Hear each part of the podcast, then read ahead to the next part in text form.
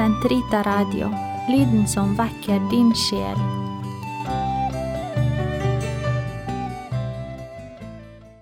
Den katolske kirkes katekisme, uke 36, 646 til 650.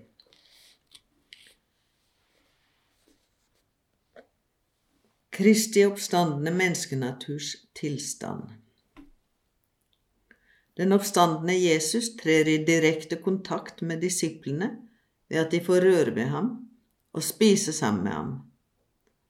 Med dette vil han få dem til å innse at han ikke er noe gjenferd, men først og fremst til å fastslå at det oppstandende legeme han viser seg for dem med, er det samme som ble pint og korsfestet, siden han fremdeles bærer sårmerkene etter lidelsen. Men dette sanne og virkelige legeme er nå utrustet med herlighetslegemets egenskaper. Han er ikke lenger bundet av tid og rom, men kan komme til syne hvor og når han finner det for godt, for hans menneskenatur hører ikke lenger jorden til, bare Faderens guddommelige verden. Slik har det seg også at Jesus fritt kan vise seg i hvilken skikkelse han vil, som gartner eller i en annen skikkelse, Markus 16, 12, enn den disiplene kjente, nettopp for å vekke troen i dem. Kristi oppstandelse betød altså ikke en tilbakevenden til jorde, jordelivet, slik tilfellet var med de oppvekkelser av døde han hadde foretatt før sin påske. Jairus datter, den unge mannen i Nain, Lasarus.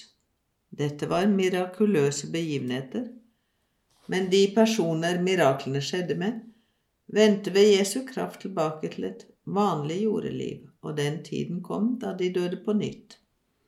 Kristi oppstandelse er vesentlig annerledes.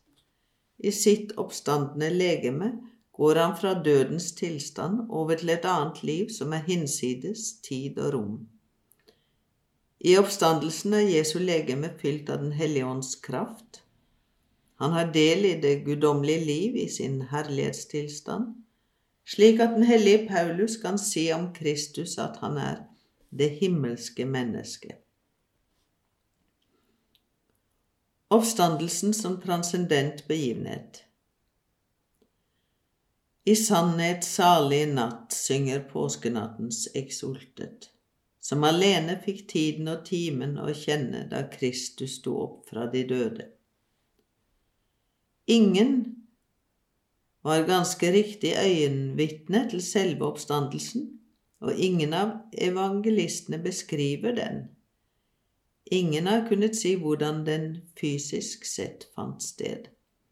Enda mindre tilgjengelig for sansene var dens innerste kjerne, nemlig overgangen til et annet liv.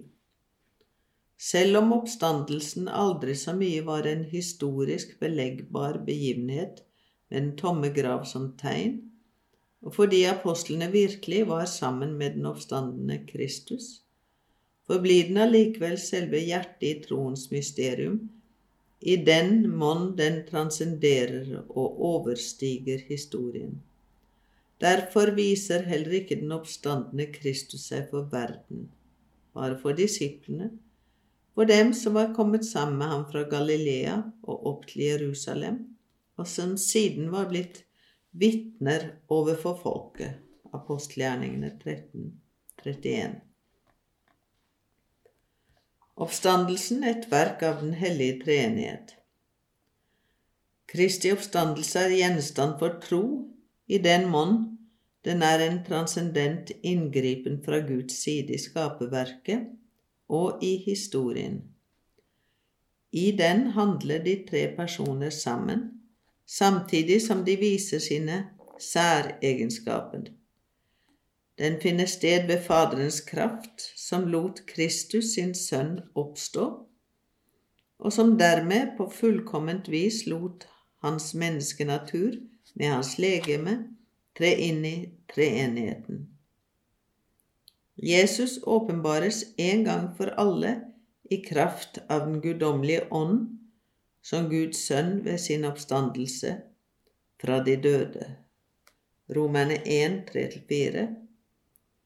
Sankt Paulus understreker at Guds kraft åpenbares ved Åndens verk, som gjorde levende igjen Kristi døde menneskenatur og kalte den til herlighetens tilstand, til å være Herre. Hva Sønnen angår, utvirker han sin egen oppstandelse ved sin guddomskraft. Jesus forutsier at menneskesønnen skal lide mye, dø og siden gjenoppstå, i aktiv betydning. Et annet sted sier han med rene ord Jeg gir mitt liv for så siden å ta det igjen. Jeg har makt til å gi det og makt til å ta det igjen. Johannes 10, 17, 18. For vi tror at Jesus er død oppstanden. Første Tess 4, 14. Fedrene betrakter oppstandelsen ut fra Kristi guddommelige person, som forble i forening med hans sjel og hans legeme, som døden hadde atskilt. Ved den guddommelige naturs enhet, som forblir nærværende i de to deler av mennesket, forenes disse på nytt. Slik skjer døden ved at menneskets komponenter skilles ad, og oppstandelsen ved at de to atskilte deler gjenforenes.